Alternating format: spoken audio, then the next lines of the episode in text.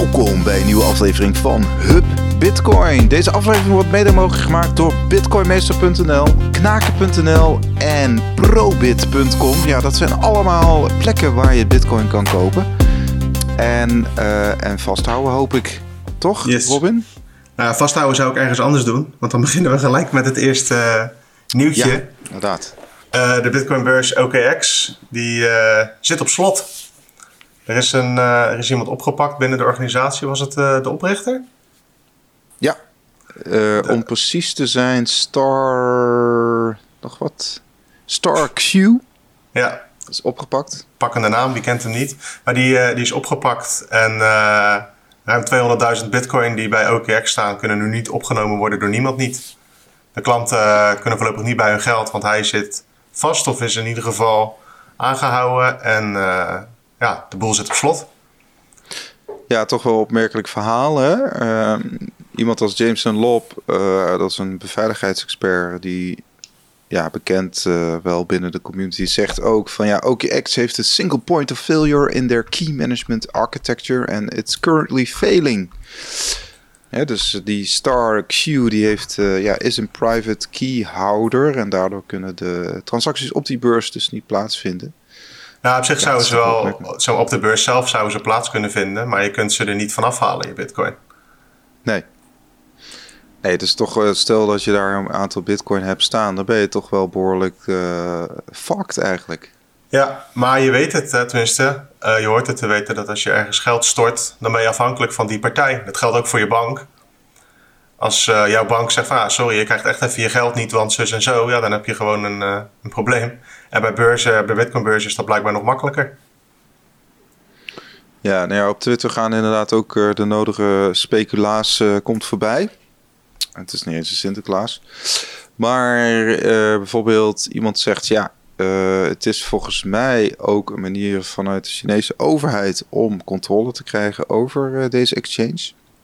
Oké, Eh, dat, dat zou een verklaring kunnen zijn. Want eh gisteren hebben we nog een update gehad vanuit OKX dat, eh, ja, dat nog steeds withdrawals niet, niet mogelijk zijn. Ehm, dus het is, ja, voor, vooralsnog ehm, lijkt er weinig beweging te komen in die zaak. ja. Nou, kijk, het is natuurlijk nu ook, hè, want als ze nu wel weer die opnames kunnen toelaten op een of andere manier, stel dat ze die, stel dat dit geen smoesje is en dat ze echt ergens die private keys nog moeten halen, stel dat dat lukt, dan gaat iedereen daar zijn bitcoin toch weghalen. Ja. Dus zij maar- zijn er ook niet echt bij gebaat om dat zo snel mogelijk nu te doen, want dan loopt heel hun zaakje leeg volgens mij. Ja, en dat is natuurlijk wat we ook zien bij eh, Bit, eh, Bitmax. Ja, dus dat. Ja. eh, en ja, geef, geef die mensen ongelijk. Ik bedoel, dat eh, ja, je wilt toch gewoon dan zo snel mogelijk je Bitcoin eh, eh, hebben. Ja, nou zeker als eh, de overheid zich daarmee gaat bemoeien en om wat voor reden dan ook beslag leggen op die, op die bitcoin, dan ben je nog wel even bezig om dat weer terug te krijgen waarschijnlijk. Ja, dit krijgt sowieso een staartje. Het lijkt er wel op alsof eh, in kwartaal 3 ineens hè, komen er heel veel berichten vanuit de overheden en opsporings- of autoriteiten, moet ik zeggen, die, eh, Ja. die dus eh, hun pijlen richten op OKX. Dat zijn natuurlijk, vaak is dat het een, een, ja, een uitkomst van eh, al jarenlang onderzoek. Hè? Dus, eh, of, of ja, maandenlang of jarenlang onderzoek naar, eh, naar dit soort partijen. Ja, want ik denk dat dit soort eh, beurzen ook nog niet zo heel lang op de radar staan. Ze zullen ongetwijfeld al in eerdere eh, jaren geleden ook al voor, voorbij gekomen zijn. Maar de laatste jaren is het natuurlijk pas echt ook een populair gespreksonderwerp in ieder geval. Je ziet daar ook de volumes altijd toenemen en zo over de, over de jaren heen. En eh, er is nu ook eh, een framework bijna in elk land waaraan zaken moeten voldoen. Ja, De regels zijn duidelijker ook voor van die handhavingsdiensten. dus die gaan gewoon mensen aanpakken die niet volgens de regeltjes werken, die dan gelden in een land. nou ja, China kent eh, een formeel verbod op eh, bitcoinhandel. Ja, Ja, dus je, je, je mag niet in China zelf eh, Chinese eh, inwoners eh ja, Officieel. bedienen van bitcoin. Officieel. ja. En ze gebruiken veel offshore eh, beurzen om dat eh, alsnog te doen. Hè? Of OTC-desks om dat eh, alsnog te doen. Ik, ik vermoed wel dat eh OKX en ook eh, eh, Wo- Wobi, eh, dat is ook zo'n grote, eh, dat die... ehm, Ja, ik, ik, dat, daar, zeg maar, dat is nog niet het laatste hoofdstuk, omdat het zijn ook typisch partijen waarbij uit eerdere onderzoeken is gebleken dat er ook wel een vrij hoog percentage aan uh, wash, wash trades wordt gedaan. Ja. Aan uh, nepvolume. Uh, bovendien zijn het ook beurzen eigenlijk net zoals Binance die afhankelijk zijn van Tether als belangrijkste handelspaar. Hè? Dus uh, Bitcoin Tether, BTC USDT. Nou, dat, daar, daar, staan, daar staan natuurlijk ook nog een aantal uh, rechtszaken open tegen, tegen het moederbedrijf van Tether. Dus ja, er, dus, er zijn er wel nog de nodige uh, vraagtekens en gewoon, hoe noem je dat? bommen die nog kunnen ontploffen, zeg maar. Het piept en kraakt. ja. Ah, dus, dit, ja. Ik denk wel dat dit, uh, ja, dit was, ligt gewoon in de lijn der verwachting. De overheden krijgen steeds meer grip op dit soort partijen. En die gaan daar gewoon uh, gebruik van maken.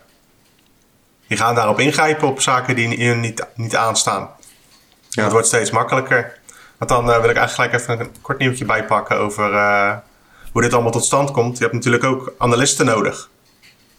Die uh, analyseren van hoe die geldstromen werken en waarom ze dan OKX eventueel moeten sluiten of, of, moeten opnemen. Dan moeten ze eerst kijken van welke Chinezen gaan handelen daar dan en is dat, uh, hoe doen ze dat? En daar heb je Chain Analysis voor bijvoorbeeld. Dat is een van de grootste. Die bieden hun dienst aan aan overheden, aan uh, politie en aan andere bedrijven ook. En die hebben dit jaar al meer dan 65% meer klanten. ja, dus ja, je ziet ook dat daar, eh, daar zijn de mensen die ervan profiteren.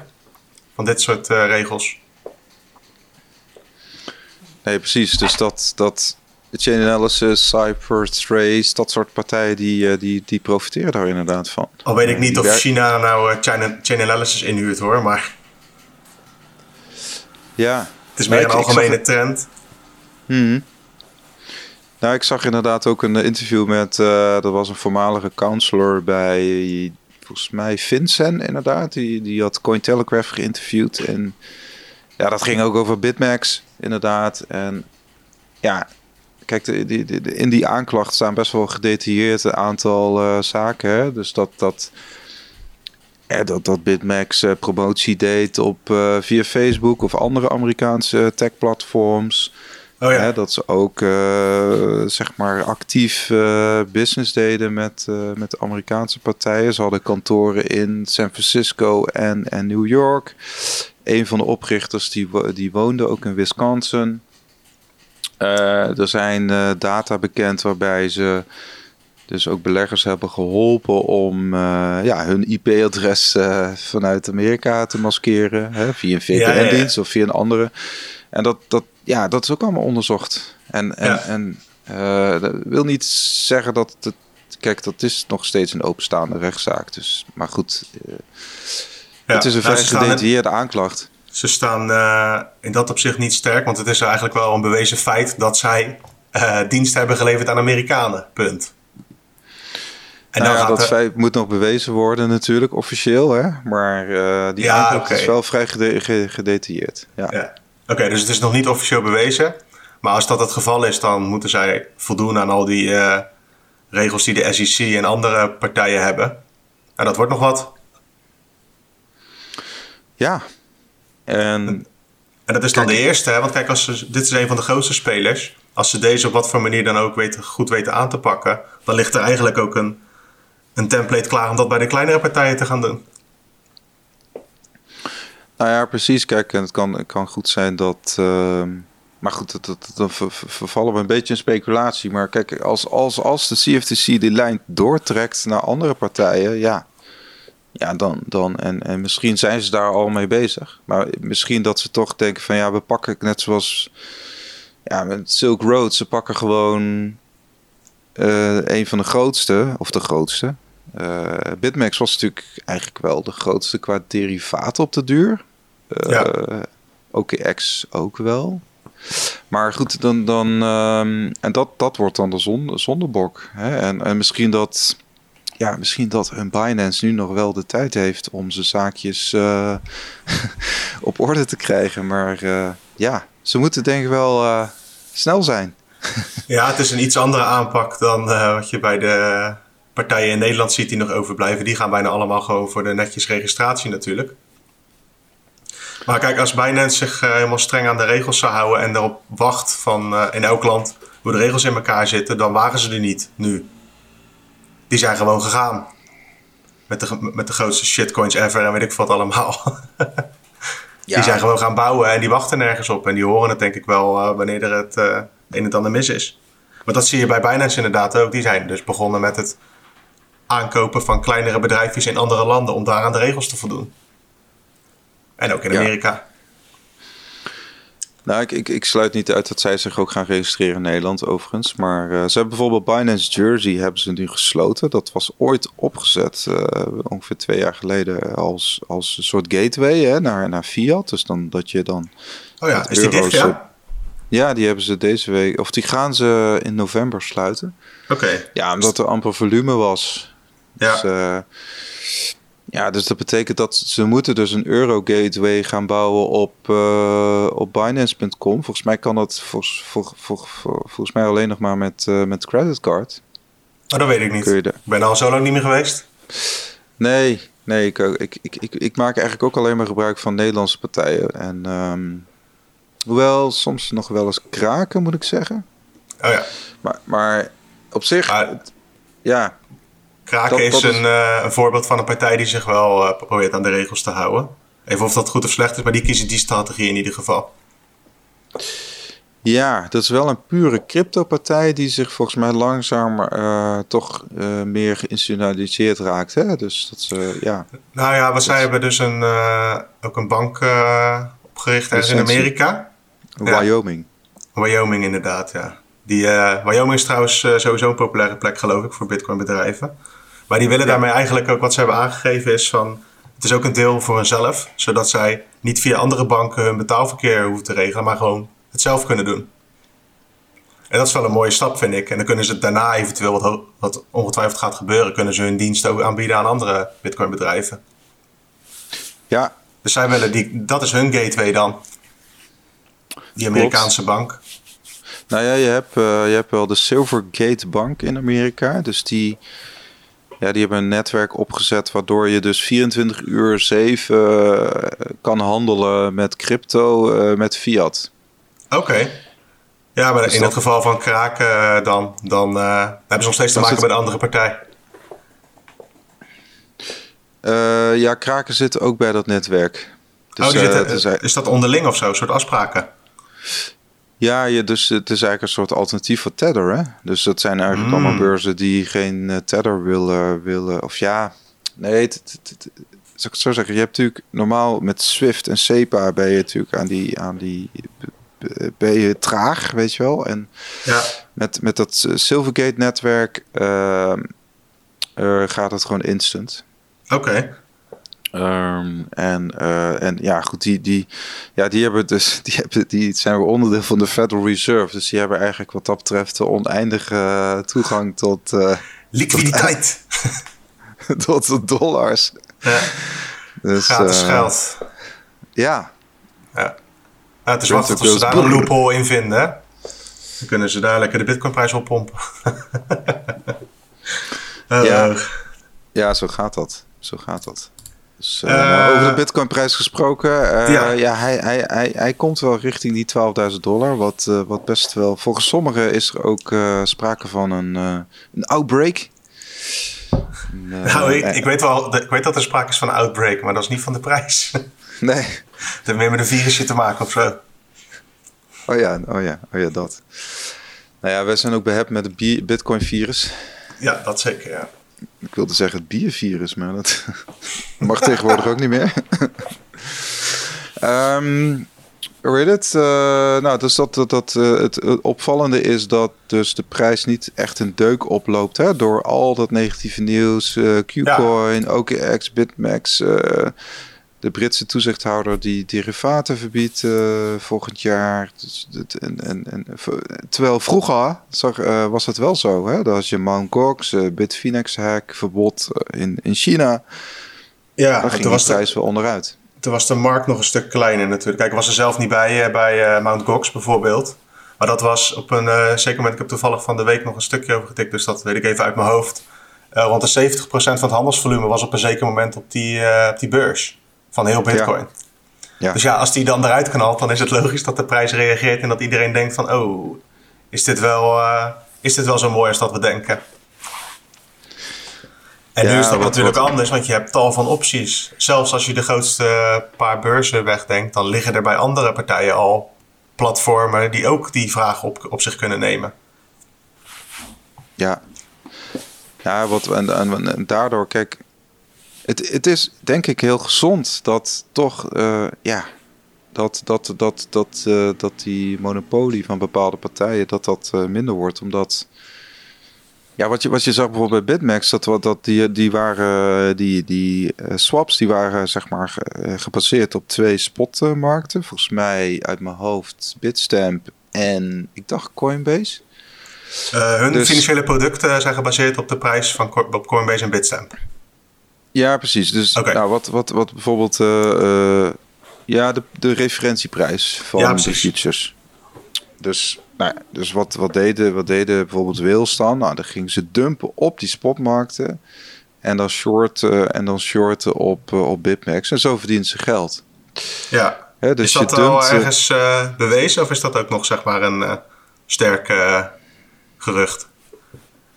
Nou, voor een, een, een, tijdje geleden hadden we ook een, uh, had iemand daar ook onderzoek naar gedaan. Hè, naar die, het, zijn soort manipulatieve uh, patronen op de markt. Mhm. Dat uh, mensen met een grote zak bitcoin kunnen die prijs wel degelijk beïnvloeden. Ja. en ik heb het idee dat dat wel dat dat dus minder moet gaan worden op het moment dat, dat je dus ja, dat je dus minder afhankelijk bent van een Bitmax of een, of een Binance. Nou, je hebt steeds meer liquiditeit en verspreiding van inderdaad uh, hoe de prijs bepaald wordt. Het is niet meer een paar exchanges. Je hebt een heel scala aan niet alleen beurzen, maar ook brokers. Die bieden natuurlijk ook een bepaalde prijs. Als, als bij een broker jouw bitcoin 200 euro goedkoper is, dan ga je hem daar halen. Dat is nooit, maar dat zou kunnen. Als een beursprijs helemaal in elkaar uh, klapt. En zo kan dat ondervangen worden. Ja, ja, van oudsher was kraken altijd wel relatief goedkoop. Dus dan kocht je daar altijd je bitcoin eh, en dan uh, kon je het op een andere beurs weer verkopen. Dus je hebt natuurlijk wel... Arbitrage. Ik heb dat vroeger nog wel eens gedaan. Uh, hoe heet die? Op Waves, dat is zo'n ander projectje. Oh. Pure, pure scheid. En die hadden een, een DEX pure in de tijd. Die hadden een DEX toen. En toen kon ik oh, bij een Nederlandse broker kon ik toen goedkoper waves kopen en het bij die DEX weer op de DEX zelf verkopen. Had ik toen oh een tijdje, tijdje gedaan. En daarna was ik ook helemaal klaar mee, want dat ging toen een paar keer mis. En toen dacht ik van, oké, dit is ook niet voor mij. maar kijk, als, als, ik dat al kan op van die kleine beursjes, dan zullen er ongetwijfeld partijen zijn die dat ook op grote schaal doen. Heb je, heb je nog waves? Nee, gelukkig niet. Nee. Je bent helemaal 100% bitcoin, toch? Of, of heb je nog hier en daar? Ah, euro's heb ik ook nog een beetje. Oh ja, ja, ja. ja, ja. ja. En, ja, uh, en een beetje studieschuld. Dat is ook een valuta volgens mij. Ja, daar weten, uh, daar weten centrale banken alles van, uh, van, van, schulden. Ja. Maar uh, nou ja, het is op zich een gezond signaal dat de, de prijs dus niet helemaal onderuit gaat. Hè? En, en, en, en, en er schijnt dus ook uh, een accumulatie, god, allemaal uh, moeilijke woorden, accumulatiefase aan de gang te zijn. Omdat mensen halen hun bitcoin van beurzen af. Dus sinds maart is er al 250.000 bitcoin van, staat er minder op beurzen dan nu. En ja, dat, dat, dat is juist een bullish signaal, omdat dan de, de, de, de, de, de verkoopdruk dan uh, afneemt. Ja, ze staan in ieder geval niet uh, gelijk klaar om verkocht te worden als het nodig is. Precies. Ik denk dat dat wel, dus dat betekent dat mensen dus voor een langere termijn eraan vasthouden. Hè? Dus het, eh, misschien dat het percentage hotloss dan toeneemt. Uh, of dat mensen dus ook zeggen, nou ja, ik wil gewoon zeggenschap hebben. Ik denk ook dat het door regulering komt hoor. Dat mensen dus zoiets hebben ja, wacht eens even. Oh ja, ik heb die bitcoin in 2013 gekocht. Oh ja, die staat daar nog. Uh, nou, ik stop me wel in een kluis. Ja, bij mij is Wie het weet. kwartje wat eerder gevallen van het uh, zelf opslaan van bitcoin. Maar in het begin hield ik ook alles gewoon op van die beurzen staan. En met al dat nieuws wat je inderdaad nu hoort, of het nou Bitmax is of OKX of andere partijen, dan en als je ook maar enigszins het idee hebt dat je het zelf kunt doen, dan is het goed om er in ieder geval naar te kijken. En ja, dus een goede trend uiteindelijk. Ja, en, en, en voor de whales, uh, de whales onder ons, er komen natuurlijk ook wel steeds meer professionelere services om jouw bitcoin uh, voor jou op te slaan en te verzekeren. Hè, dus dat, ik, ik, ik kan me best voorstellen dat als jij, ik noem wat, 2 tot 5 of misschien 10 bitcoin hebt, dat je denkt, ja, uh, wil je dat op, uh, op je zolderkamer uh, gaan opslaan? Dus, ja. nee, maar sommigen wel. Maar ja. je hebt dus ook een, een, een segment in de markt die dat liever niet heeft. Klopt. Dus, ja, ja, daar kan, kan ik me ook alles wel bij voorstellen. Als je niet jezelf. Kijk, het is super stom als je denkt van ik kan dit niet veilig bewaren. Om het anders nog maar te doen omdat het zogenaamd zo hoort.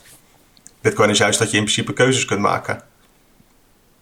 Ja, ja er en, is niet één weg inderdaad. Er is niet nee, een, een, dat, dat, dat, dat is ook. Er is niet één pure, de puurste bitcoiner of met het puurste bitcoin bloed. Ja, dat vind ik altijd een beetje onzinnige discussies. Want... Uh, ja, maar het is ook wel belangrijk om het wel een beetje uit te dragen. Want als je nooit uh, zegt van oh, je, moet, je moet je bitcoin zelf leren beheren, uh, dan is die campagne ook minder sterk. Als jij zegt van ja. je, je kan je bitcoin zelf beheren, maar je kunt het ook gewoon lekker op een beurs laten staan hoor. Dat is niet hetzelfde, dat is geen marketing in ieder geval. Nee, oké, okay, maar dan zijn natuurlijk... Dan zijn er, ja. Nee, maar als je dan helemaal in die repertoire gaat en zegt... ja, maar ik, ik heb niks met Ledger en ik, ik doe helemaal niks met Samurai. En weet je wel, dan, ja. als je, dan krijg je dat soort discussies. Dat bedoel ik eigenlijk met... Maar ja, dat zijn klopt. meer gedetailleerdere discussies. Klopt. Ook die discussies zijn wel belangrijk als je maar ook met elkaar oneens kunt zijn. En dat is eigenlijk wel wat Bitcoin ook kan doen. Hè? Ik bedoel, uh, je hoeft eigenlijk over niks eens te zijn behalve het protocol en de regels daarop hoe jij het verder gebruikt en wat je, de, wat je van Bitcoin vindt, maakt eigenlijk niet uit. Ja, nou ja, kijk, volgens, volgens de, de, zag het dan even de Bitcoin-theorie noemen, of de Bitcoin, um, ja, zoals het bedoeld is, zoals het bedoeld is, uh, is het niet de bedoeling dat je het natuurlijk bij een derde partij gaat opslaan, eigenlijk. Uh, nee, maar in de kern wat Bitcoin eigenlijk doet, is geldcreatie op een gekke manier voorkomen. In de zin van het wordt niet meer gedaan door centrale banken en zo. Mm-hmm. En hoe je het dan vervolgens je geld opslaat, is weer een soort van andere discussie. Maar ik ben het met je eens, in de kern is dat niet helemaal het doel geweest. Maar in de kern was het ook het doel om keuzevrijheid te hebben. Als jij graag je bitcoin ergens wil stallen om een paar procent rente te vangen, ja, moet je lekker doen. Ja, het gaat denk ik niet alleen om die rente. Het gaat de mensen denk ik ook wel om het feit van... Uh, ik hoef er zelf niet meer naar om te kijken. Nee. Een beetje ontzorging. Ja, en gemak inderdaad. Want uh, ik was ooit bij een uh, presentatie van een Nederlandse broker. En die directeur die zei dat hij ook zijn bitcoin gewoon bij de beurs liet staan. Dat hij vond dat veiliger. Ging hij uitleggen hoe dat allemaal werkte. Multisig en bla bla hij vond dat veiliger dan zelf op zijn hardware wallet zijn uh, fortuintje opslaan. Ja. Dus kijk, en dan kun je zeggen van kijk, als zelfs uh, degene die die dienst aanbieden ook die dienst gebruiken, misschien zit er wel wat in. Maar voor mij is het geen, voor mij hoeft het niet, want ik kan het ondertussen wel goed zelf. Denk ik. ja, ik, ik, denk toch dat dat een minderheid gaat worden. Hè? Dus mensen die dat zelf gaan opslaan. maar dat, dat, ja, dat ah, weten we niet. Maar nee, dat is wel, wel leuk om over te speculeren. Het ligt denk ik ook een beetje aan uh, wie nou de volgende groepen mensen zijn die uh, in Bitcoin stappen. Ik kan me ja. voorstellen, kijk, het, is, het is ook een verschil. Kijk, als jij iemand van uh, 14 een app geeft, een appje, met van hier heb je de Blue Wallet, scan deze code en je hebt geld, die begrijpt dat wel. Maar ja. ik, mijn oma die kan nog steeds geen afstandsbediening gebruiken, bijvoorbeeld. Nee, maar Blue, eh, kijk, als je zegt. Nou, nee, oké, okay, Blue Wallet is nog steeds de derde partij, dat wil ik zeggen.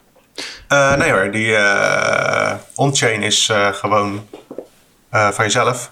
Je on-chain wallet van Blue Wallet is non-custodial. Oké, okay, ja, de, de, de on-chain wel. Ja, klopt. Klopt. Klopt inderdaad. Nee, maar het was meer het voorbeeld van. als het te moeilijk is om Bitcoin op te slaan, ja, dan gaan mensen op een andere manier Bitcoin opslaan. En zeker als je het bijvoorbeeld hebt over van die grote partijen die uh, voor honderden miljoenen aan bitcoin kopen, zoals MicroStrategy, dan um, snap ik wel dat ze naar diensten kijken of services om het op een andere manier op te lossen. Ze hebben geloof ik in-house wat gebouwd nu. Als ik het goed begrijp. Oké. Nou ja, het, het, is, het is, tenminste als ik naar mezelf kijk, het is ook niet zozeer, weet je wel, het gebruik van een appje of het kopen ervan. Maar het is ook inderdaad het, het zorgvuldig opslaan van je seeds. Ja. Hoe ga je om met je seeds, et cetera. Nee, dat, is wel een, ook, uh, klopt. Hè, hoe, hoe zit het met als jij onder de tram komt of onder een bus? Uh, ja. Hoe zit het dan? Wie heeft er dan toegang tot de seeds? Maar dan kan je eh, zelf, uh, dan kan je in principe zelf regelen. Want als je bij de andere kant, en dat is eigenlijk de hele discussie, bij de andere leg je gewoon de verantwoordelijkheid ergens anders neer. En dat kan een prima optie zijn, maar het hoeft niet meer met Bitcoin. Je kunt het kiezen. Nou, ik, ik vind het, want ik heb ook wel eens gesprekken met vrienden die zeggen: Ja, Wessel, hoe zit het dan met uh, inderdaad risicomanagement, uh, veiligheid? Hè? En dan, ja, dan, dan ga je verhalen afsteken over multisig. Of hè, er zijn ook. Hoezo multisig? Zeg maar, uh, als je de private, private key gewoon op één of op, uh, op plekken legt, verstopt. Whatever. Mm -hmm. Dan uh, heb je toch geen multisig nodig? en dan loop je onder een tram en dan? ja, dan moet je iemand hebben geïnformeerd of je moet iets klaar hebben staan waarop, waardoor iemand kan weten waar dat ligt. En wat heb je dan klaarstaan? Uh, je kan bijvoorbeeld een scriptje schrijven dat je elke maand even moet laten weten dat je er bent. En als het een maandje niet gebeurt, dan stuurt hij hem uh, een berichtje uit ergens naartoe van hé, hey, het ligt hier. Naar je vrouw uh, okay. of naar je. Dat kan, je kan van alles bedenken. Je kan, een scriptje, een, een, een soort code die je geschreven hebt. Ja, of je, je van mij part een geplande e-mail die je elke keer uitstelt, weet ik veel. je kan er best wel okay. wat op bedenken. Je hebt niet per se een derde partij nodig om dat ook te regelen. Wil niet zeggen dat je het niet. Je kan er ook voor kiezen om een derde partij in te huren. Mm. Maar het, het, hoeft niet. Nee, zeker. Uh, kijk, alleen ik, ik, ik heb het idee dat, dat er dus een bepaald segment is. Kan bepalen of je dat mm. in handen van iemand anders wil leggen. En als je dat wil, dan zijn er inderdaad steeds langzaamaan meer diensten die dat gaan doen. Zeker als uh, de Bitcoinprijs stijgt natuurlijk. Ja, dan valt er geld te halen en dan komen de notarissen en dat soort zaken vanzelf naar voren. Het zou mooi zijn trouwens als daar nog uh, mooie softwareoplossingen voor komen. Nou, dat ongetwijfeld ik denk dat, ja. Nou, ik denk dat een bepaald segment van de markt er wel gevoelig voor is. Had dus Casa dat, dat niet dus... zoiets? Of ja, Casa inderdaad. Ja, ja, ja. Nee, maar kijk, het is op zichzelf ook niet per se nieuw, denk ik. Uh, want je kon toch altijd al een stapeltje biljetten onder je matras verstoppen? Uh, dus ja, op maar... zich het, het, het self-custody ja. idee... Maar het is, is wel een verschilletje of het... Uh als je 10.000 euro op, onder je kussentje wil stoppen, contant, is wel pittig. ja, als je je matras een beetje wil ophogen. Ja, true. Nee, maar dat, dat klopt. En dat is ook een beetje... Uh, maar je doet dat nu vaak met kleine bedragen. Ik bedoel, je gaat wat pinnen en dat hou je contant. Ja. Je hebt niet, uh, tenminste, laat ik voor mezelf spreken. Ik heb niet mijn geld onder mijn matras liggen. Nee, en qua vervoer is het ook wel, uh, wel handig dat het digitaal is. Ja. Dus uh, dat, dat vind ik het grote. Ik heb, ik heb die interviews met uh, Sailor en uh, Pieter McCormack. die heeft nu een tweedelige of driedelige serie met Sailor inderdaad. En da daar ging het dus ook over het verschil tussen goud oh. en bitcoin. Michael Saylor is de CEO van MicroStrategy, toch? Ja. Ja, oké. Okay. En en toen, toen begon bij mij ook wel een, een, uh, een belletje te rinkelen. Uh, van um, je kunt dus, dus inderdaad Bitcoin sowieso makkelijker, goedkoop, veel goedkoper om te vervoeren. We hebben het ook gezien. De DNB die was uh, alle goudstaven van Amsterdam naar Haarlem aan het verplaatsen. Ja. Nou ja, dat, dat kost geld, hè? Want het kost echt. ja, weet ik veel. Dat kost, dat kost, dat kost nogal wat, zo'n transport. Ja, en dat, dat, en dat, dat is ja. natuurlijk met Bitcoin sowieso al niet. Dat, dat, dat vind ik echt wel een killer app. Dat, dat, dat, dat je dus zeker, dat je 10 er... miljoen uh, dollar voor 5 dollar kan versturen. Zeker. En hij zei terecht dan, uh... van dan, dan ja, ja, ga maar. sorry, ja. Nee, maar hij zei terecht dat, dat, dat dan is het dan binnen die community hè, met allerlei alts en, en bitcoin is er dan discussie van ja, maar die transactiefees zijn zo hoog bij bitcoin. Maar vergelijk het eens met een normale wereld. Als ja. jij 10 miljoen wil versturen, wat dat dan kost. Klopt. Ja, dan ben je, dan ben je wel wat extra geldjes kwijt, ja. Nee, maar dat is ook wel een, uh, hmm. wat jij zegt, killer app. Van, we hebben het dan vaak, uh, hebben we het dan over, over mijn oma hadden we het net bijvoorbeeld, die noemde ik als voorbeeld. Maar eigenlijk is dat helemaal niet waar het om gaat. Het is inderdaad ook dit soort partijen die voor miljarden of miljoenen aan geld willen vervoeren. Daar kan Bitcoin ook een perfecte oplossing voor zijn. Zolang de liquiditeit er maar is. Ja, dus dat, dat, dat, dat noemde hij als voorbeeld, als voordeel. Maar ook een ander groot voordeel ten opzichte van goud. Hij zei, wat is er gebeurd met het goud wat men had? Ik, ik, even een extreem voor. Wat is er gebeurd met het goud wat de Joden hadden? Hè? En, nee, maar wat hebben de daar? Ja, dat is gewoon ingenomen. Mhm. Dus je kunt uh, op het moment van oorlog wordt, uh, is goud veel makkelijker in te nemen dan, dan bitcoin. Dat is zijn stelling. Ja, dus, ja. Uh, ja maar dat, dus is ook kunt... een, dat vind ik ook. Ja. Ja, en en, en dat, dat wordt ook wel eens, denk ik. kijk, ik denk dat goud ook wel voor een bepaalde groep ook wel weer een manier is om een soort zekerheid in te bouwen voor de toekomst. Dat, dat kan. Ik, ik, ik heb zelf geen goud. Ik wil het ook niet. Omdat ik denk dat Bitcoin gewoon een, een betere, nieuwere uh, versie ervan is. Uh, die beter past bij deze tijd. Hè? En waarbij we veel meer digitaal doen. Dus wat ik alleen maar wil zeggen is. Er zijn wel degelijk onderscheidende verschillen tussen Bitcoin en, en, en, en goud natuurlijk. Ja. Ehm dan komen we gelijk bij het IMF. Laten we daar maar even een bruggetje naar maken. Ja, is goed. Um, want waar onder andere de Goldbug, uh, Willem Middelkoop heeft er ook op gereageerd. Het IMF roept op tot een nieuwe Bretton Woods uh, moment eigenlijk. Hè? Bretton Woods 1944 was een deal uh, waar tussen 44 landen. wat is daar besloten? Nou, onder andere dat, dat er dus vaste wisselkoersen kwamen met de dollar. Dus uh, je kon de dollar als uh, wereldreservemunt. Daar kwam het eigenlijk op neer. Precies. Uh, dus wat, hoe, ging dat dus werken? Wij hadden natuurlijk de gulden. Nou, de gulden stond voor een bepaalde hoeveelheid dollars. En die dollar die stond voor een bepaalde hoeveelheid goud. En in ieder geval tot... in Nederland was het zo dat... dat, dat zeg maar die... die het is niet zo dat in Nederland die guldens uh, continu gedekt worden door goud. Maar in, in principe die dollars wel. Hè, dus, tot dus 1971.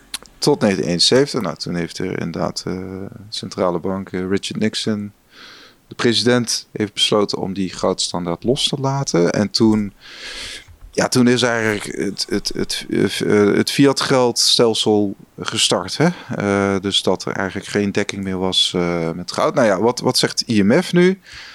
We hebben nu een pandemie, 1 miljoen doden door het coronavirus wereldwijd. De economie krijgt een dreun. Hè? De wereldeconomie krimpt 4,4 procent in 2020, naar alle waarschijnlijkheid. Tegelijkertijd zijn al die centrale banken, die hebben al 7.500 miljard eh, dollar eh, geprint. Plus er zijn wat uh, fiscale maatregelen genomen. Dat ging volgens mij, fiscale maatregelen waren ook 12.000 miljard dollar. Je zegt dat, je zegt dat even, 12.000 miljard dollar. Het zijn toch echt, dat is bizar. ja. ja, dat is bijna niet voor te stellen. Probeer het maar eens in een ruimte te krijgen. Nee, ik kan het me niet voorstellen in ieder geval. Gewoon, dat is niet te doen. Nou ja, zij roept op uh, de, de, de presidenten, dat is een, iemand, een Bulgaarse is dat. Nou goed, zij, de Kristalina Georgieva, Georgieva uh, die roept op in ieder geval om ja, betere samenwerking. Nou, dat is natuurlijk altijd wat, wat geroepen wordt. Um, en een aantal punten, economisch beleid, nivellering en inderdaad nou ja, ook onder andere klimaatverandering komt daarop. Maar goed, het gaat er eigenlijk om. De vraag die op tafel ligt is van gaan we weer terug naar goudstandaard? En daar reageren onder andere uh, Raoul Paul en Willem Middelkoop reageren er ook op. Ja, Raoul Paul is uh, oprichter van Real Vision. Ja. dat was hij ook ex hedge funds manager geloof ik bij uh, Goldman Sachs uit mijn hoofd. Klopt. Uh, die is Real Vision daarna begonnen. Die wilde eigenlijk zijn eigen, ding, zijn eigen visie dus uh, laten, laten horen. En die is ook helemaal into Bitcoin. Die voorspelde onder andere ook uh, vorige week dat Bitcoin binnen nu in vijf jaar richting een miljoen gaat. Om even aan te geven hoe hij erin staat in deze discussie. Ja. Maar die had ook een, een mening over deze plannen. Klopt. Nou ja, goed, Twitter die me horen. Mm Nou ja, hij ziet het eigenlijk als een opmaat naar central bank uh, digital currencies. Dus hij, hij ziet eigenlijk dit, dat het IMF, uh, Bretton Woods 1944, toen is ook het IMF en de Wereldbank opgericht overigens. Uh, en het IMF ziet dit weer als een, ja, als een acute crisis, blijkbaar. Hè? Als een acute crisis in het financiële systeem. Nou, dat, daar is natuurlijk heel veel over geschreven, et cetera. En zij zien, eigenlijk zegt, zegt Raoul Paul zegt van we verwachten dat de rol van central bank digital currencies in het, in het wereldsysteem, dat gaat toenemen. Dus het belang van de dollar gaat afnemen. En, en daar, daar komt natuurlijk een politieke strijd tussen. Hè? Want uh, de Ameri Amerikanen zullen die dollar niet willen opgeven als, als wereldmunt. Even voor, even voor mijn begrip, uh, die central bank digital currencies, die gaat toch niet gedekt worden door goud? Dat kan toch niet? Nee, dat het is ook eigenlijk volgens mij de de, dat, de, dat goud terug gaat keren als standaard is volgens mij nou ook niet per se uh, ja, volgens mij een, een, een, vraag. Volgens mij is dan, uh, dat is geen vraag. Of wel een vraag? Want, nee, het gaat, als, nee, als we dat nu gaan doen, dan uh, denk ik dat alle landen gelijk failliet gaan.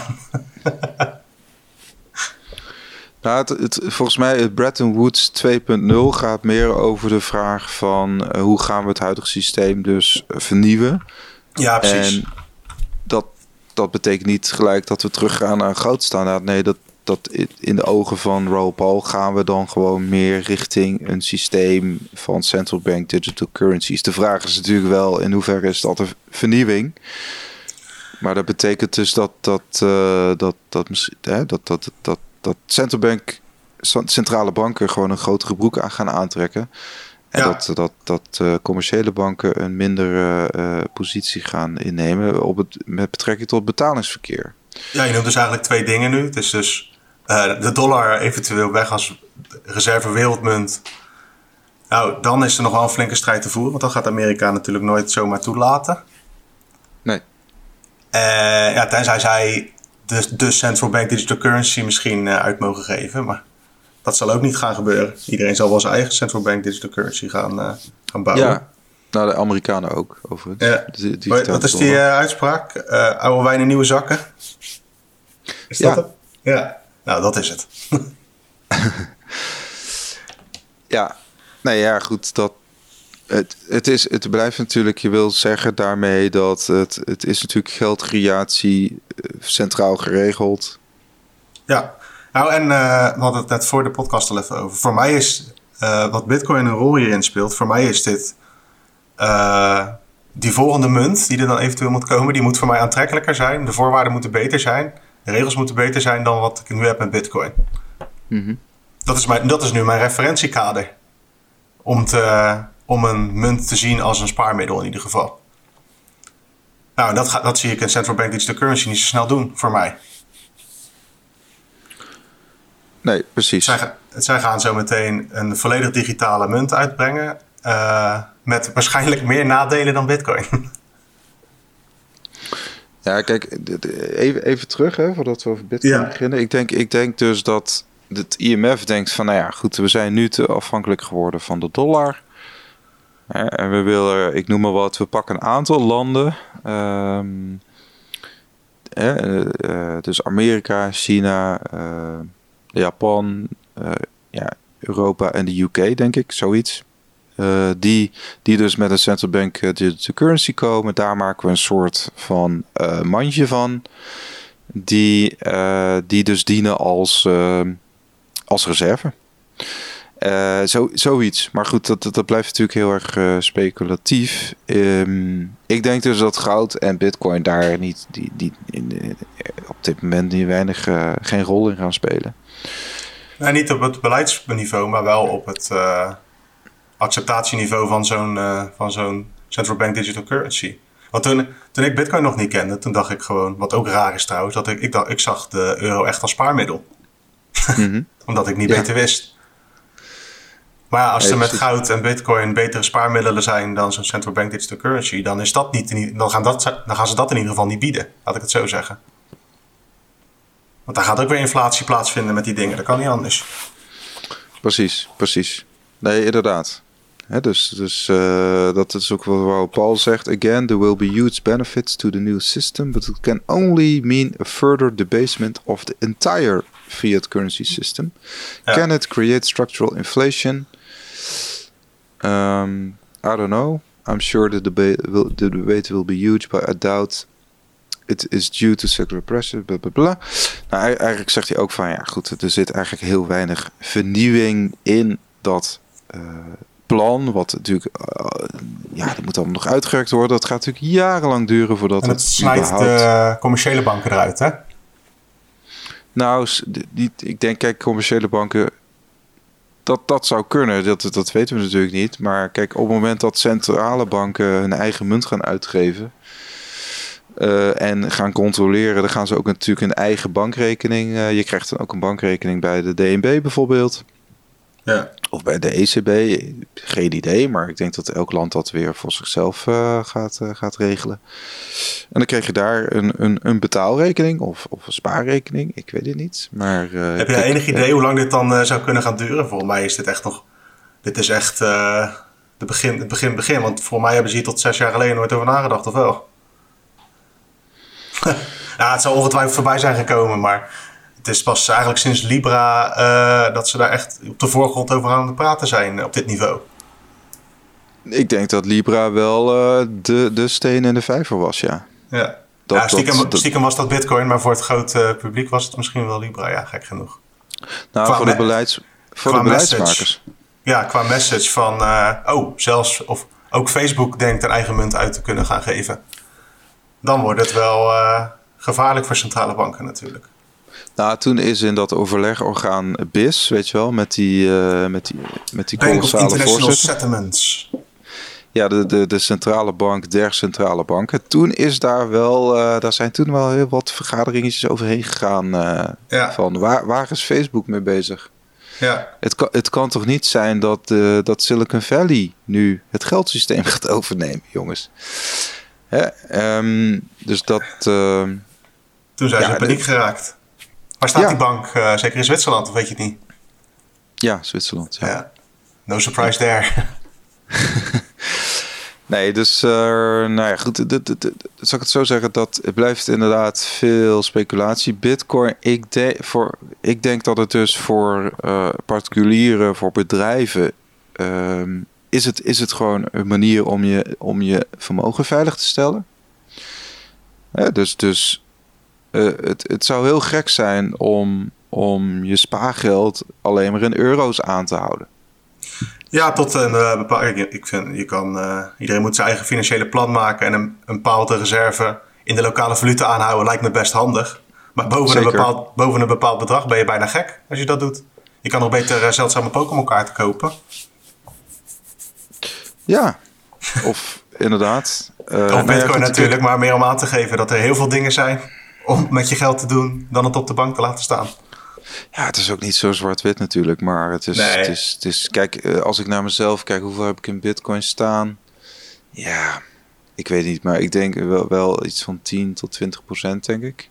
Hmm. Uh, ja, tel ik even de, de waarde van het huis niet mee, hè? maar nee, maar dan... dan Ook boomen. Ja. nee, maar goed, dan, dan ja, dat, dat van, dus, maar goed, het is wel verstandig natuurlijk ook in deze coronatijd om, om wel uh, een groot deel, hè, om een substantieel deel wel in cash aan te houden. Tuurlijk, ja, maar dat voor, ligt voor onzekere tijden. Maar ja, kijk, het kan natuurlijk zijn dat mensen hun baan verliezen of dat, dat ik noem maar wat, dat ze financiële uh, rampspoed... kijk, je bent de Sjaak als je bijvoorbeeld in maart, uh, stel dat je in maart vol in bitcoin zat en dat mhm. jij eh, net na die crash, uh, net onder de 4000, je geld echt hard nodig had. Ja. Dan ben je even, kijk, op, uh, op de lange termijn uh, gaan we stiekem bij Bitcoin vanuit dat dat wel meevalt. Maar als je op korte termijn je geld nodig hebt, dan kan het zijn dat je in één keer veel minder te besteden hebt als je dat alleen maar in Bitcoin hebt. Maar bij de euro is het eigenlijk andersom. Dan weet je in ieder geval zeker dat je over een jaar minder te besteden hebt qua koopkracht. Ja. Nou ja, kijk, het, uh, daar zijn ook fondsen op gesneuveld hè, op die dip van maart. Ja, dat geloof en dat ik. Zijn op, en dat zijn professionele partijen, maar... Um... Maar die gingen dan in de futures zitten pielen zeker? Ook, ja. Ja, ja op Bitmax. Ja. maar... ja misschien uh, zijn een paar van die beleidsbepalers gewoon keihard direct gegaan bij Bitmax. En denken ze nu van, uh, pakken ze. Het zou goed kunnen. Jij gooit er toch weer een complottheorietje in, hè? Ik heb mijn aluhoedje nog niet opgedaan, maar kunnen we wel even voor. Nou, laten we dat van andere keren. Misschien is het toch wel leuk om een keertje een paar van die conspiracies uit te zoeken rondom Bitcoin of zo. Maar dat terzijde. Oké, lang Frans. Laten wij uh, nog heel even een kort uh, marktnieuwtje inderdaad. Want dat was toch opvallend als we het toch over het grote geld hebben. JP Morgan, een van de grootste banken ter wereld, denkt dat betaalverwerkers zoals PayPal en ja, wat heb je? Ja, Square is er ook eentje natuurlijk. Visa in Venmo, Amerika. maar dat valt ook onder PayPal dat die ook uh, Bitcoin gaan aanbieden. Zou, uh, zou, ja, goed. Op zich denk ik een uh, verstandige keuze van die betaalverwerkers als ze dat gaan doen. Want ja, dat het is ook een beetje onderzoek dat ik denk van, nou, wij hadden daar geen onderzoek voor hoeven doen om te concluderen dat PayPal, die heeft het zelf al aangegeven dat ze er interesse in hebben. En ook Visa, die allerlei van die dealtjes sluit met Bitcoin-beurzen. Want het lijkt me voor de hand liggen dat ze er ook naar aan het kijken zijn. Ja, het is op zich ook niet zo heel opmerkelijk. De, Want wij gaan natuurlijk Ah ja, ja het is, ik blijf het opmerkelijk vinden als zo'n bank, een JP, JP Morgan, dat doet. Dat wel. Dat wel, dat ze die uitspraak doen. Ja, ja. ja want Bitcoin was natuurlijk uh, heel lang de paria. Ja. Dus, uh, en, uh, maar ja, kijk, dat, dat, dat zei, zei ik ook al tegen jou. Kijk, op het moment dat regulering instapt, dat ze de casino's eruit flikkeren, dan, dan, dan gaan die bestaande partijen, die zijn daar juist blij mee. En die, die gaan daar in zekere zin van profiteren. Want zij gaan, zij gaan die custodial markt naar zich toe trekken. Ja. De, de, de custodial bitcoins. En, en de papieren bitcoin.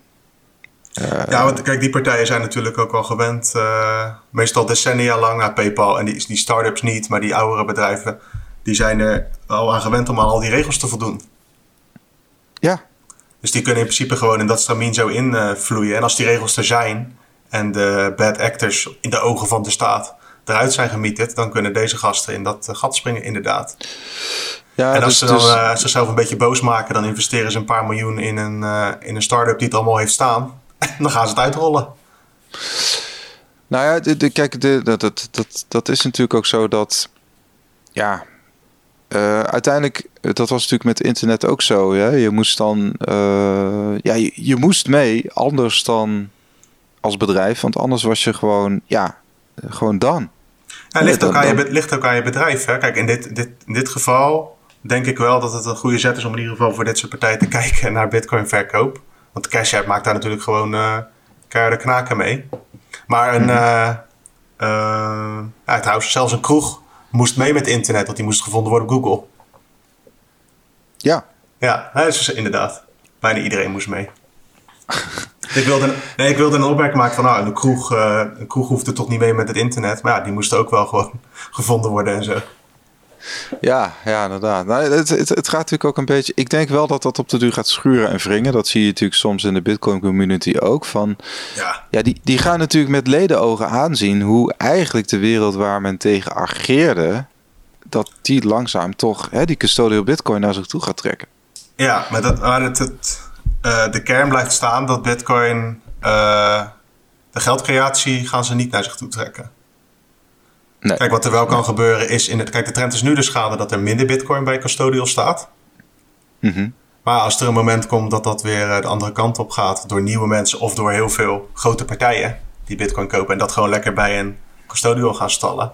Ja, dan, dan gaat er inderdaad een situatie komen waarin best wel veel Bitcoin weer in die, in die fuik belandt. Ja, ja en, dat, en dat is, uh, maar dat is weer even een iets andere angle. Um, maar dat, dat, dat, dat, kwam ook in de chat te sprake van.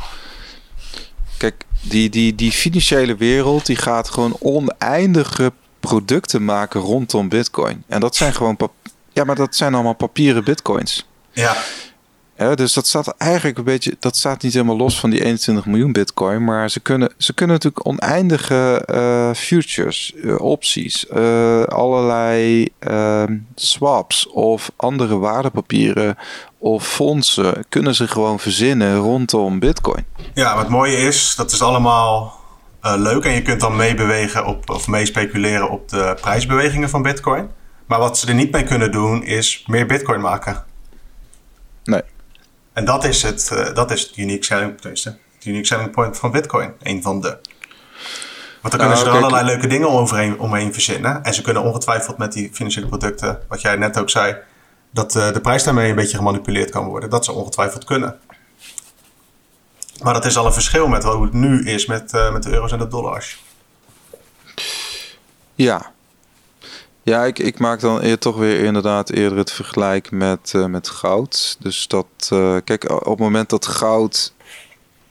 Dat, dat zei die Sailor dus ook. Je kunt eigenlijk beter investeren in de bedrijven die goud delven dan in fysiek goud zelf. Want op het moment dat, dat je dus veel meer goud gaat vinden en delven, hmm. ja, dan, dan, dan gaat die, die supply is in principe uh, ja, oneindig. Dus dan gaat die prijs toch, krijgt toch weer een deuk. Terwijl bij Bitcoin is het andersom. Daar kun je dus beter investeren. in Fysiek, fysieke Bitcoins die, die eindig zijn, 21 miljoen stuks. Ja, zeker als kleine particulier in ieder geval. Ja. Nou ja, goed, dat vond ik wel interessant. Plus, er komt natuurlijk bij dat je kunt ook zeggen, nou, ik vind eigenlijk zo'n bedrijf die, uh, die Bitcoin community ondersteunt, uh, zoals een Square of, of of dus een MicroStrategy, of, een, of misschien een Grayscale. Uh, ja, ik ga daar ook een aandeel in kopen. Hè? Of je koopt een aandeel in een Bitcoin mining bedrijf. Dat kan ook. Ja. Dus er zijn verschillende manieren om exposure te krijgen uh, naast het kopen van fysieke Bitcoin. Ja, zeker nu. Uh, want er zijn ook uh, Bitcoin mining bedrijven, zijn gewoon beursgenoteerde bedrijven, sommige. Ja. Dus inderdaad, als jij als belegger geïnteresseerd bent in exposure in de Bitcoin-industrie, dan kan je daar ook naar kijken. Volgens mij gaat dat niet zo goed qua aandelenkoersen, maar dat is een andere kwestie. Want dat is natuurlijk ook een hele jonge, onzekere markt. Eigenlijk. Ja, ja maar dan, dan zit er nog wel rek in, in die zin. Ja, dat is, uh, dat is waar. Als je op, als juiste paard, als je op het juiste paard werd, dan uh, kan het leuk worden. Als je nu Apple of Tesla koopt, ja, dan, ben je, dan heb je de rit gemist eigenlijk. Hè, als jij. Ah, nee, maar... je, als, die, als die geldprinter nog 30 jaar uh, aangaat. ja. Het is beter dan het op de bank te laten staan. Dat is het. Uh... Ja, ja, nee, oké. Okay. We, we, doen nog een paar nieuwtjes. We, we hadden ook uh, ja. iets uit Hongarije, toch? Die Hongaarse oh, ja. Dus wel een, wel een leuk, een kleintje. Een Hongaarse politicus nam ontslag na illegaal mijnen van bitcoin. De politicus die had simpelweg elektriciteit gebruikt van verschillende kantoorpanden van de staat om bitcoin te mijnen. Oh, nice.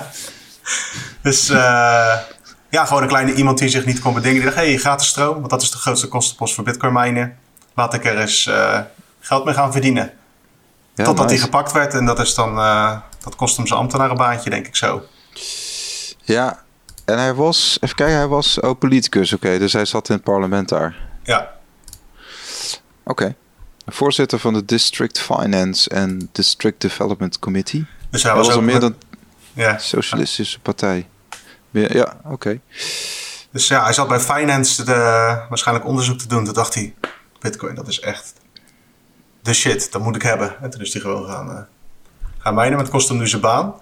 En ook nog een laatste uh, nieuwtje. Wat gebeurt over... eigenlijk met oh, zijn Bitcoin? Uh, wat gebeurt er met zijn Bitcoin? Ik denk dat het in beslag genomen wordt en daarna geveild. Maar dat weet ik niet. Oké. Wanneer is die veiling? Moet je even een, uh, even een persverzoekje sturen. Dan zullen ze het ongetwijfeld naar je mailen als het zover is. In nee, het Hongaars. Ja. Ah, we hebben Google ja, Translate tegenwoordig. Maar dan nog een, uh, nog een laatste nieuwtje. Mocht je een Tracer hardware wallet hebben. Er is mm -hmm. nu een uh, desktop app voor. Tracer Shoot. Shoot? Sweet? Sweet. Sweet? Sweet. daarmee kun je via je desktop gewoon makkelijker aan de slag met je, met je wallet. X aantal nieuwe functies. En uh, go check it out zou ik zeggen als je een eh, hardware wallet hebt van Trezor. Ja, ik heb de webversie wel al getest. Uh, oh ja. Ja, ik moet er nog. ik heb ook Trezor, maar ik heb hem nog niet. ik zit niet zo vaak aan mijn Bitcoin, dus. Nou, nou ja, ja je kunt beter aan andere dingen zitten, toch? Zou jouw worden. Oké. Maar nou ja, op zich ze hebben de interface wel wat, uh, wat vernieuwd. Uh, uh, ja, ik vond het niet heel schokkend. Maar het is, ik, ik heb wel altijd het idee. Ja, ah. ik weet niet. Maar dat is misschien heel. Dat is misschien oké okay boomer is. Maar mhm. dat ik denk, oh ja, gewoon een desktop app. Weet je wel, voor hier voor mijn Linux bak. is altijd beter dan dat ik allemaal via het internet ga ja, nou, we hebben natuurlijk tal van situaties al op de site gehad van mensen die hun geld zijn verloren omdat ze op de verkeerde broker-website kwamen. Of bij Trezor de verkeerde website, dat een Trezor-website, een neppe Trezor-website in één keer vroeg om je private key in te vullen, gewoon typend. Weet je wel? Dat soort spul kom je niet tegen als je gewoon de juiste app hebt. Dus qua gebruiksvermak uh, kan het alleen maar een voordeel zijn, denk ik. Ja, ja. Dus Lijkt me wel. Uh, nou. ik denk niet dat dat oké okay boomer is. Ik denk dat dat gewoon veiligheid is als je gewoon die app goed gebruikt. Ja, het is, het is denk ik beter om gewoon de app te downloaden uh, voor je laptop of desktop of ja, mobiel, weet ik niet of dat nou handig is. Nee, maar ik, ik, ik, ja, ik, ik, ik prefereer, uh, ik geef altijd wel de voorkeur aan inderdaad, uh, gewoon de desktop app. Ja. nou, dan ga ik deze week nog even dingen. checken. Dat wel. En uh, kijk, mobiele app is wel handig om gewoon echt af te rekenen. Bijvoorbeeld bij een meetup, als die er ooit nog komt. Ja, die heb, ik dan, uh, die heb ik dan wel los van mijn hardware wallet. Ik heb daar gewoon een, uh, ja, een, hot wallet, een hot wallet met een paar sats erin om een paar bier af te kunnen rekenen. Ja. Oldschool Electrum gebruik ik gewoon. Het ziet er niet uit, maar werkt prima. Oh ja, Electrum? Oh ja. Ja, ja oké. Nice. Oké, ja, volgens mij zijn we er wel een beetje doorheen. Wij hebben deze week volgens mij ook nog een interview met Knaken. Yes. Uh, natuurlijk wel leuk, want ze hebben natuurlijk dat, uh, die samenwerking met Sparta. Uh, oh, en, ja. Feyenoord heeft ze weer een paar satoshis opgeleverd. ja. De laatste tijd. Ja, ja. ja dat was wel een leuke wedstrijd. Ja. Dus, dus die kampioensaspiraties kunnen we eventjes terug in de kast. Die moet je ook niet hebben, joh. dat is voor Amsterdammers, heb ik geleerd. ander, ander onderwerp. Ander onderwerp. Beginnen we, beginnen we niet aan. Beginnen we niet aan aan dit onderwerp. is goed, laten we het hierbij laten dan. Voor het dus. uh, laatste Bitcoin nieuws, bitcoinmagazine.nl. Vergeet uh, waar je ook luistert de podcast niet te volgen, te liken en dat soort zaken. En dan uh, willen we jullie bedanken voor het luisteren en tot de volgende. Later. Yes, tot de volgende keer. Huddle till you die.